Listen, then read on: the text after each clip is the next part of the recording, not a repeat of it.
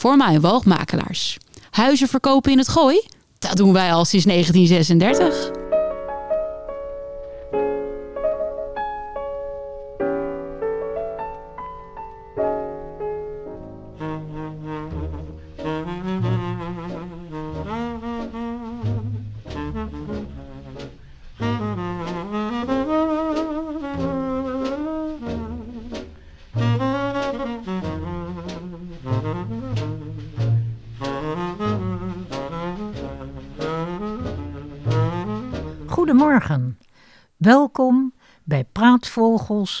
Aflevering 41.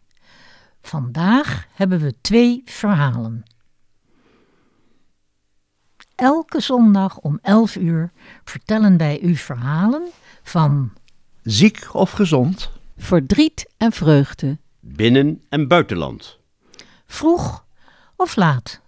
Een echte dokter staat dag en nacht klaar voor zijn patiënten. Maar hij is niet de manager van hun leven. Dat mag elk mens zelf inrichten, naar zijn eigen wensen. Hoe wonderlijk die soms ook zijn. De arts is slechts hun dienaar. Medelevend en als een vriend staat hij een ieder bij met advies, medicijnen en soms vlijmscherp instrumentarium. Belcampo weet daar alles van.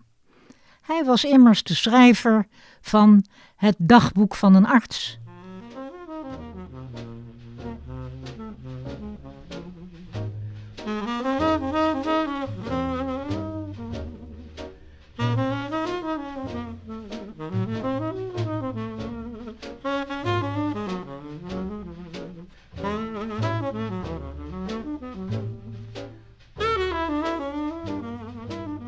De arts zat in zijn studeerkamer en was bezig aan zijn boek over de zelfmoord als seksuele afwijking.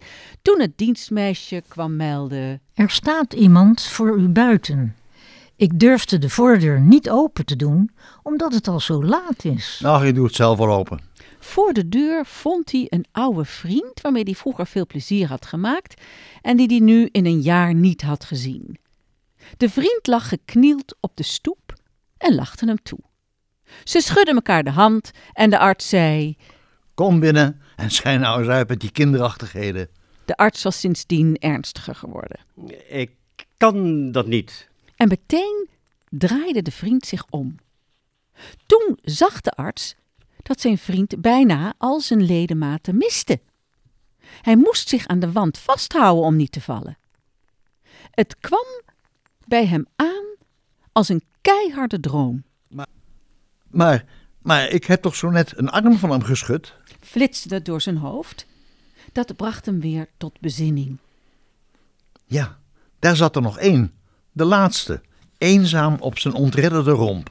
De vriend had zijn emotie gemerkt en hij vroeg verlegen: M- Mag ik toch wel binnenkomen? Ja, excuseer me voor mijn uiterlijk. De arts knikte. Vlug bewoog de vriend zich door de gang voort, als een stuk kinderspeelgoed dat nog niet kapot is gemaakt.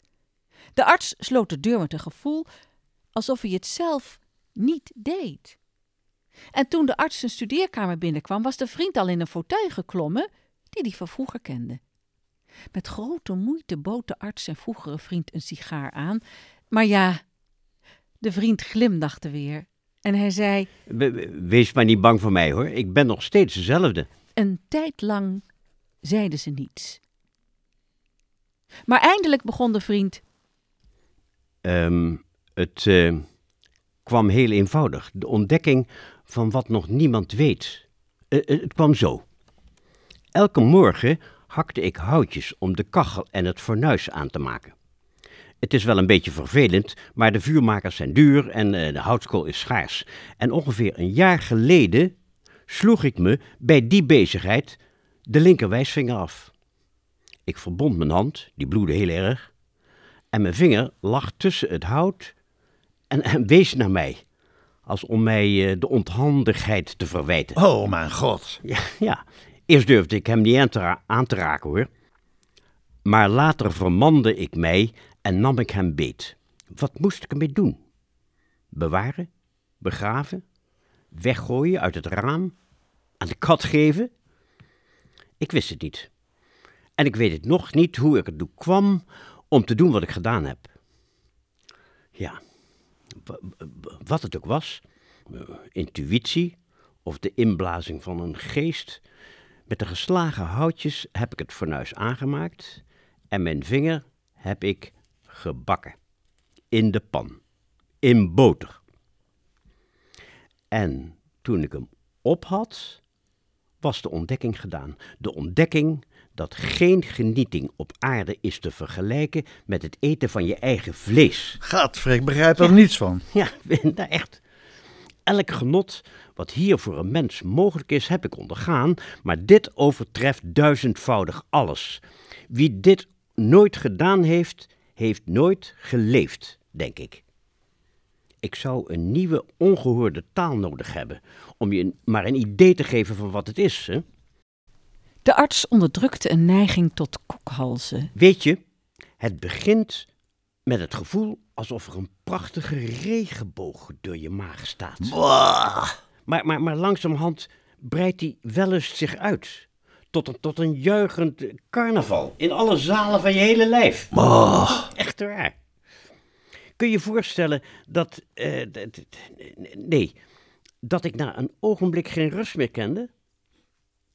Terwijl de honger naar mijn eigen vlees me van binnen uitbrandde, liep ik daar maar rond met vier kostelijke ledematen, die ik best zou kunnen missen. Ik heb hun waarde niet onderschat. Ik wist wel dat ik niet meer zou kunnen lopen als ik geen benen meer had. En dat iedereen van me zou schrikken. Zelfs mijn beste vrienden. En me niet meer zouden beschouwen als mens, maar als een of ander eh, vreemd griezelig beest.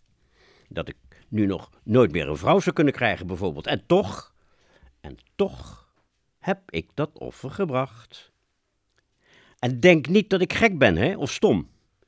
Niemand weet het en niemand durft het te proberen. Een offer zo groot bestaat er niet. Dat breng je niet voor, voor je vrouw of een kind. Dat breng je alleen maar om te leven. Zoals nog nooit iemand voor jou geleefd heeft. En zoals er ook nooit iemand na je meer zal leven. Allemachtig. Ja, e- eerst deed ik voorzichtig aan, hè. Telkens een stukje. Net genoeg voor één maaltijd. En dan eh, at ik het zo gauw mogelijk op, want zodra je eet, is alle pijn weg. Mijn hemel. Ja. Maar met mijn misvorming nam eigenlijk ook mijn onverschilligheid toe. En eh, ik heb eens een keer een orgie gehouden van mijn hele rechterbeen. Dat was op mijn verjaardag. Ja. Maar daarna werd ik zuiniger. Want ik zag hoe de voorraad opraakte. Ik heb van alles geprobeerd. Ik heb geprobeerd of ik niet kunstmatig elefantiasis kon teweegbrengen. En ik heb geprobeerd of ik niet op mijn lichaam bedden kon aanleggen van wild vlees. Maar dat ging niet. Het is ook te mooi om zo lang te kunnen duren hoor. Dit moet nu wel het einde zijn. Ja, wat heb ik hier nog te doen straks, als alles op is? Ik zal maar eh, aldoor waanzinnig betreuren dat ik geen kunsthoofd had om mijn eigen hoofd mee op te eten. Het enige dat me nu nog aan het leven bindt, dat is eh, hier, deze hier. En daarbij wees hij op zijn laatste arm. En eh, die kan ik er alleen niet afkrijgen. En daarom ben ik bij jou gekomen. Hij heeft lang geaarzeld, de arts. Maar tenslotte heeft hij hem zijn medische hulp niet ontzegd.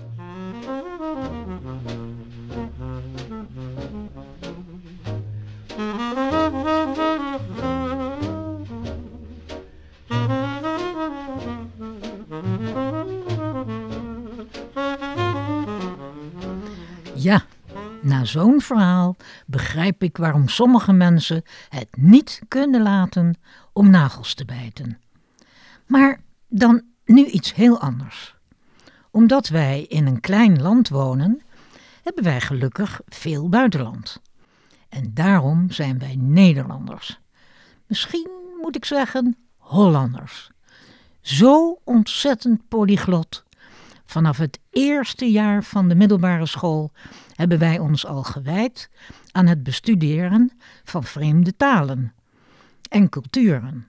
Ach, waren al die andere volkeren maar net zo opgevoed en opgeleid als wij, dan begrepen zij ons even goed als wij hen begrijpen. Wat kunnen wij de wereld nog veel leren met Kees van Koten als groot leermeester, zoals in C'est trop. Het is een aimabel heertje. Een gezet, Dickensachtig mannetje. Een Franse Mr. Pickwick.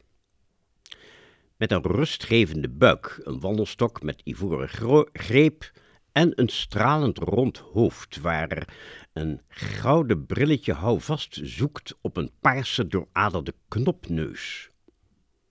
Als ik hem weer eens tegenkom, op een warme middag in het Franse dorp, waar ik een nieuw Frans adres heb, ligt hij zwierig zijn witte Panama-hoed. Hoe bevalt het u hier in onze dorp, onze amour? Het heertje beschouwt zichzelf als de feitelijke burgemeester van ons dorp.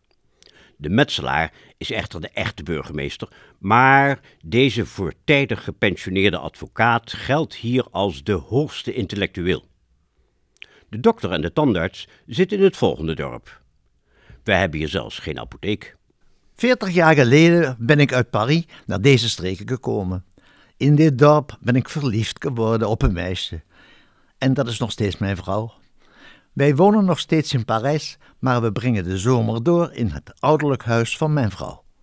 Hij wijst met zijn wandelstok en kijkt schalks om zich heen. Laat net als gisteren een pikante pauze vallen. En uh, door dat raam ben ik toen op de avond bij haar naar binnen gekropen. Haar vader had mij de omgang verboden, maar och, men was jong. Hoe oud was hij toen? Dat heb ik gisteren ook al gevraagd. 17 jaar. Hij tuit trots zijn natte mondje. Ja, 17 jaar. 17 plus 40. Nu realiseer ik me pas dat ik waarschijnlijk de oudste van ons tweeën ben. Dus dat ik me helemaal niet zo bangelijk beleefd hoef te gedragen. Nou, een deze dagen zal ik u de officiële papieren laten zien waaruit blijkt dat de familie van mijn vrouw al sinds de 13e eeuw in dit dorp woont. Nee, zeg, dat klinkt veelbelovend en mateloos interessant. Ook deze kwestie hebben we gisteren al behandeld, overigens. Er klinkt doodsangst uit deze genealogische inspanningen, is mijn ervaring. Mijn oom G. was tot het laatst van zijn leven bezig de stamboom van onze familie in kaart te brengen. En vanuit verstolen mystiek gevoel dat het leven na de dood tenminste even lang zou duren als het getraceerde aantal bestaansjaren van onze familienaam. Er komt een getatoeëerde reus voorbijlopen op ons warme Franse dorpsverretje. Bonjour. Ah, c'est Dominique. Uh, ah, uh, Dominique? Dominique is de belangrijkste man van het dorp. Kijk, ik verblijf namelijk het grootste deel van het jaar in Parijs. Zijn grootvader is gefusilleerd door de Duitsers tegen de muur van de kerk. Dominique is ook de leider van de jagers. Hij bouwt een groot huis voor zichzelf langs het weggetje dat naar uw huis leidt. Oh, oh ja, ja, daar kom ik elke dag langs. De jagers hebben van januari tot september het droit de passage over terrein. Ik zelf heb ook gejaagd, dus... Uh... De, de droit de passage? Oh, dat moet het recht van overpad zijn. Ja, mijn Frans wordt steeds beter. Tien jaar geleden stopte ik als er ergens een bordje met uh, voix unique uh, stond. En dan dacht ik, uh, oh, dit is zeker een uniek uitzicht. En dat betekende zeker een panorama. Dat viel dan altijd tegen, want voix unique betekent dus gewoon eenrichtingsverkeer. Droit de passage? Hm, daar heeft de notaris mij niets van verteld. Uh, maar non, dat hoeft ook helemaal niet. Want dat gaat sans dire. Het recht van overpad over uw tuin geldt al vanaf 1456. En uh, de notaris, die jaagt zelf ook. Ah, oh ja, ja, ja. Merci beaucoup, monsieur. Au revoir. Ik loop piekerend door naar mijn nieuwe huis. Moet ik vrije doorgang geven aan jagers? Jagers? Hoe kan ik dat rijmen met mijn geweten? Kijk, eh, als ik mijn hek op slot hou en Dominique de toegang weiger, red ik horde wilde zwijnen het leven. Ik heb wel al weet ik hoeveel Franse films gezien over de medogeloze manier waarop het hele Franse dorp gewoon was om wraak te nemen op een weerspannige nieuwkomer.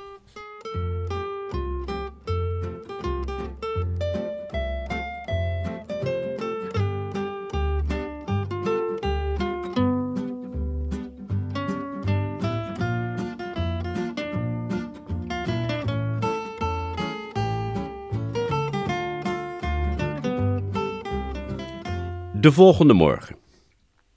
Ik passeer de bouwplaats aan het pad naar ons huis. Dominique is bezig met het versjouwen van grote itonblokken. Onder elke arm draagt hij er drie. Ik stap uit mijn auto. Bonjour. Ik wil me graag voorstellen. Ik ben uw nieuwe buurman. Voor, een paar maanden per jaar, hè? Hij hield de bouwelementen recht vooruit, horizontaal, en biedt me zijn rechterpols aan. Ik knijp daar beleefd in. Zondagochtend kom ik bij u langs. Uh, délicieux. Avec un gâteau et quelques amis. Ah, délicieux. Hij komt mij taart brengen met een paar vrienden. Wat is dat nou aardig zeg? Dat is natuurlijk bij wijze van excuus voor de te verwachten overlast tijdens het aanstaande jachtseizoen. Eens even kijken. Zaterdagmiddag koop ik vier flessen pasties, 24 blikjes bier en een liter fles van alle voorradige frisdranken. Ja, dat ga ik doen.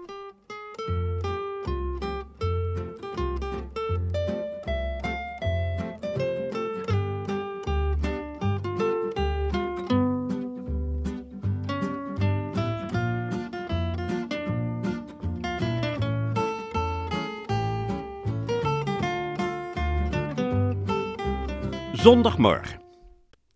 100 meter verderop ronkt het jaarlijkse dorpsfeest. Op elk vlak stukje bouwterrein speelt men Jeu de Boule op housemuziek.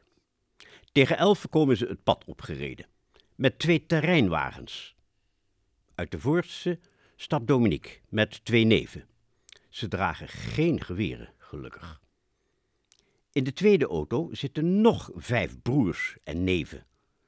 Dominique draagt een ronde blikken trommel en het kleinste neefje een grote kartonnen doos. Ik herken die trommel van jaren geleden en het water loopt me in de mond. Quality Street van Macintosh. Dat kent u toch nog? Een duivelse mix van toffees met bonbons, stuk voor stuk verpakt in verleidelijke glanspapiertjes. Oei, daar ben ik een paar jaar verslaafd geweest. Uh, wilt u allemaal een glas pasties? Eh, Ik ga u voor naar het terras. Ach ja, een kleine pastiche. Waarom niet? Eén pasties voor iedereen, pour tout le monde. Dominique gaat zitten en iedereen volgde zijn voorbeeld. Regardez. Kijk eens. Dit is voor u. C'est pour vous. Oh, ah, merci. Een met poedersuiker bestrooide luchtige tulband. Oh, merci beaucoup. Et ceci aussi est pour vous. Deze is ook voor u. Hij schuift de trommel supersnoep naar mij toe. Ha. Oh, merci, mille fois. Et, une bonne saison hein, pour la chasse. Een, een mooi jachtseizoen hè, voor u. Nee, nee, eh, die begint pas volgende week. Nu is het nog feest. In het dorp. Voor de school. Pour l'école. Hij trommelt intussen op de deksel van de snoeptrommel en schuift het blik vol heerlijks wat dichterbij. Er zaten ook van die goddelijke Noga-bonbons in, met melkchocolade ertussen. Ik herinner het me ineens, door de deksel heen. Maar ik moet bescheiden blijven. Ik heb al een pracht van een gebaketkrans gekregen. En dan ook nog een hele kilo Quality Street aannemen. Dit, dat, dat is te veel van het goede. Dat, dat heeft geen pas. Ja, het zou wel eens een test kunnen zijn, hè? Waarvan ze mijn karakter en inhaligheid kunnen afmeten. Ja, dus zeg ik, eh, non, non, non, non, non, c'est trop, hè? Nee, dat is te veel. C'est trop? Pourquoi? Waarom? Eh, pa- parce que c'est pour les enfants, hè? Het is voor de kinders. Is- C'est trop. Ik schuif de trommel definitief naar hem terug. Dominique kijkt de kring rond. Alle zwijgen. Dan haalt hij zijn reuze schouders op, steekt de trommel onder zijn arm en geeft het sein voor vertrek. Nou, eh, Heel goed, eh, vriend. Ik breng jullie terug naar de auto's. Dat heb ik goed gedaan. Ik kan tevreden zijn. Ik geef hen een stuk voor stuk een stevige hand en ze stappen in. Au revoir! Dominique zeilt de trommel op de achterbank voordat hij zijn motor start. Oh jee, wat hoor ik nu? Metaalgerinkel en schuiven van papier? Dominique rijdt zonder mij aan te kijken weg. En nu begint het mij te dagen. Er zit helemaal geen lekkers in dat blik, maar geld, munten en bankbiljetten. Het is natuurlijk de collectetrommel. En die heb ik geweigerd voor de kinderen van de school in het dorp waar ik de enige en eerste buitenlander ben. die Nederlander is zo gierig dat hij nog geen euro in de trommel heeft gedaan. Maar wel een gâteau aannemen, hè? Het is vandaag woensdag en ik heb nog geen stap in het dorp durven nemen. Ons brood is oud, de krans is al op. Aanstaande zondag opent het jachtseizoen. Ik doe geen oog meer dicht.